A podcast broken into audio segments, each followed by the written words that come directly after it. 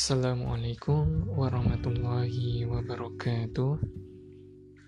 Alhamdulillah Alhamdulillahilladzi An'amana bi ni'matil imani wal islam. Asyhadu an la ilaha illallah la syarikalah Wa asyhadu anna muhammadan abduhu wa rasuluh la nabiyya ba'da Allahumma salli wa sallim wa barik ala sayyidina wa nabiyina Muhammadin wa ala alihi wa ashabihi ajmain amma ba'du untuk anak-anak kelas 10 di mana pun kalian berada, selamat pagi, selamat siang, sore, dan juga malam. Mungkin bagi kalian yang mendengarkan di waktu-waktu yang lain.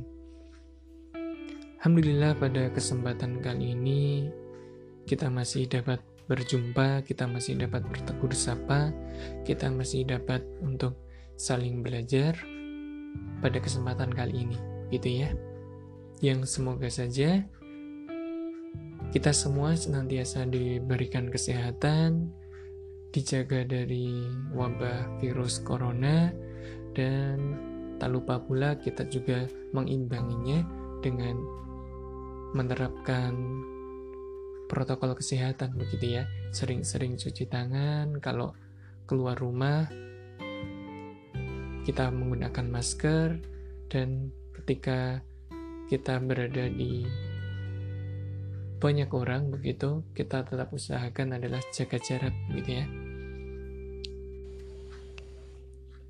Pada kesempatan kali ini kita sekedar berbincang-bincang ringan saja.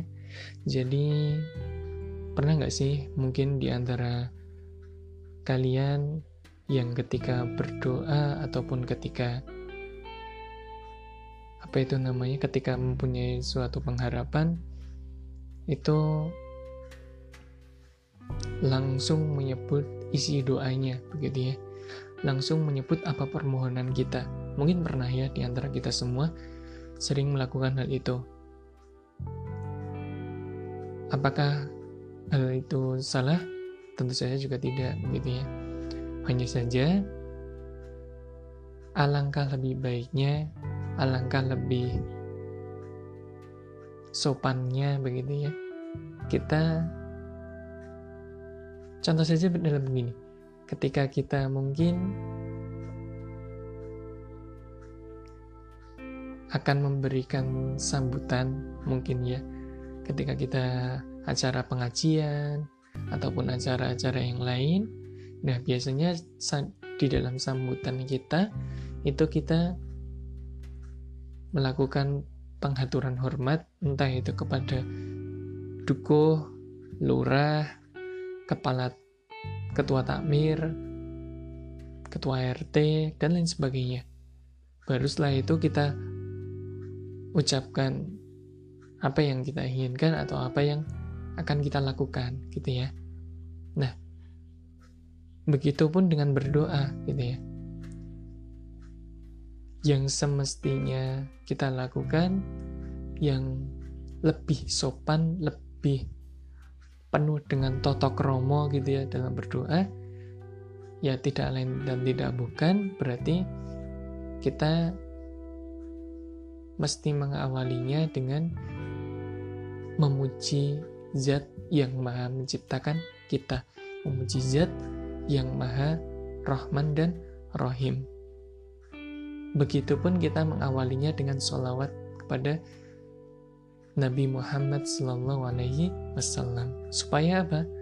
Supaya doa kita itu memiliki ataupun juga memuji zat dan juga teladan kita, gitu ya. Mungkin di antara kita juga apa namanya? Sering juga ada yang mendengar gitu ya eh boleh ndonga ki si apik toh kayak gitu ya. Ndonga kok ndonga ke si elek gini. Mungkin pernah ya sering bagi yang mungkin kaum kaum yang sering merasa terdolimi gitu ya. Tulanan ataupun main apa gitu. Ketika kecil merasa terdolimi terus dungo si elek gitu ya.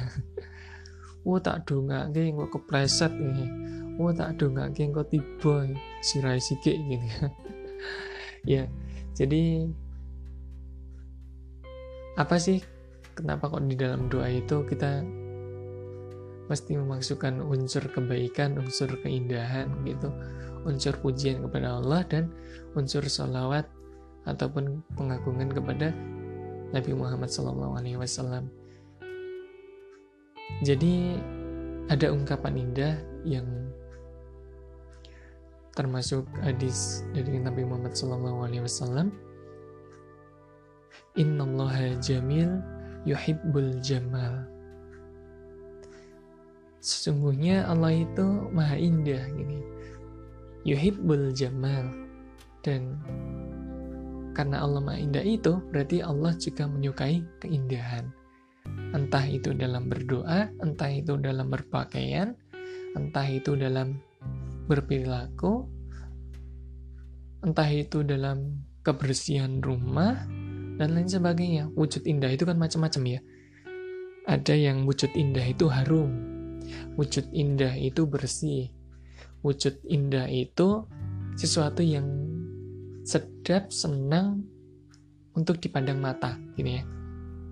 Nah, dari kaitannya hal itu, pada kesempatan kali ini, yuk kita bersama-sama belajar, yakni adalah tentang Asmaul Husna. Mungkin sudah sangat familiar gitu ya sudah sangat familiar dan barangkali mungkin di antara kita sudah banyak juga yang hafal, mungkin beberapa ada juga yang seluruhnya gitu ya. Asma artinya nama-nama. Terus kemudian al-husna atau husna artinya kebaik sesuatu yang baik atau kebaikan gitu ya. Jadi asmaul husna adalah nama-nama yang baik. Pada semester 1 kali ini untuk kelas 10 kita belajar kaitannya dengan tujuh asmaul husna begitu ya. Yang pertama adalah Al-Karim, Maha Mulia. Kemudian Al-Mu'min, Maha Pemberi Rasa Aman. Al-Wakil, Maha Pemelihara. Al-Matin, maha kokoh, al-jami' yang maha mengumpulkan, yang keenam al-adl yang maha adil, dan yang ketujuh adalah al-akhir. Masing-masing dari Asmaul Husna ini penting bagi kita untuk kita teladani dan juga kita maknai bersama-sama gitu ya. Pak, apa benar kalau orang itu bisa hafal Asmaul Husna bisa masuk surga begitu ya? Jawabannya adalah iya, benar gitu ya. Toh ada hadis juga yang menyatakan demikian. Inna lillahi tis'atan wa tis'ina isman. Sesungguhnya Allah itu memiliki 99 nama. Mi'atan illa wahidan. 100 kurang 1. Man ahsoha dakhalal jannah. Barang siapa menghafalnya, maka ia akan masuk surga. Memang ada hadis yang seperti itu ya. Tapi yang perlu menjadi catatan untuk kita semua adalah menghafal yang dimaksud dalam hadis ini adalah bukan sekedar menghafal saja, tapi juga memaknai dan juga mengamalkan dalam kehidupan sehari-hari. Contoh sederhananya semisal seperti ini.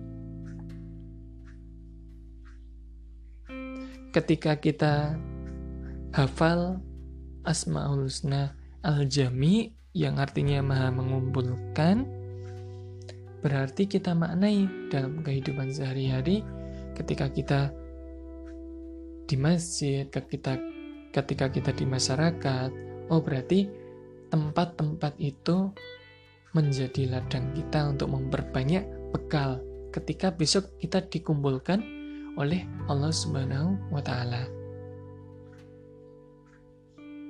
Atau kita memperbanyak kebaikan gitu ya.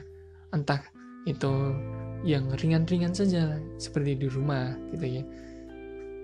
Menyapu mencuci bersih-bersih rumah meringankan pekerjaan orang tua di rumah dan lain sebagainya gitu ya. Itu termasuk dalam memaknai asma husna al-jami begitu ya nah mungkin untuk yang lebih rinci akan kita sampaikan di kesempatan yang selanjutnya tapi yang ingin saya tekankan yang mana untuk menjadi tempat kita untuk atau bahasan untuk kita belajar pada kesempatan hari ini. Yuk, mulai kesempatan hari ini kita bisa lebih menghormati, mengagungkan, memuji Gusti Allah Subhanahu wa taala.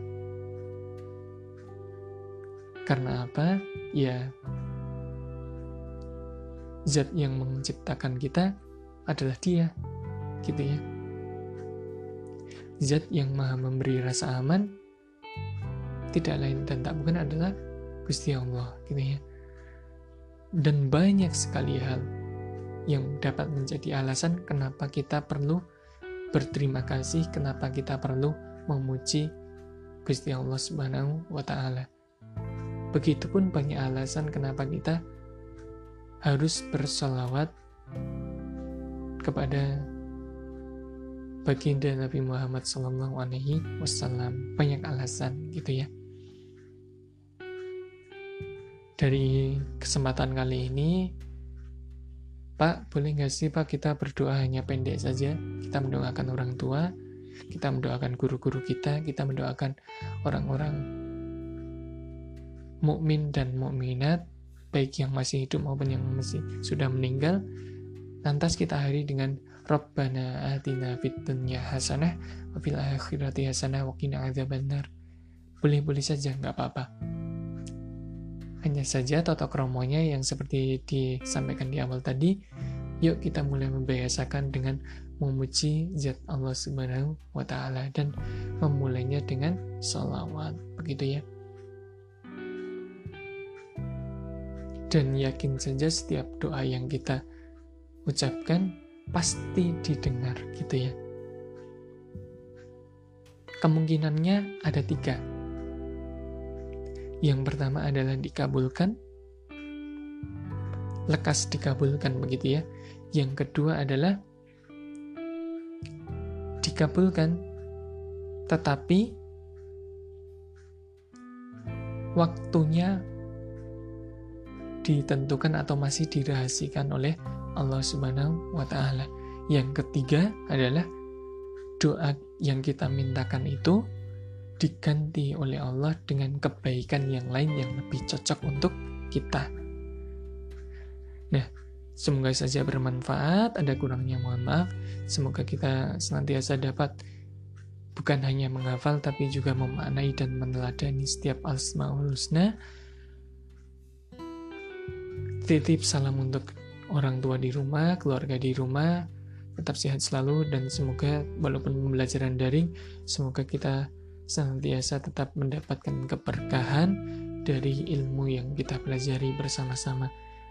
Wassalamualaikum warahmatullahi wabarakatuh.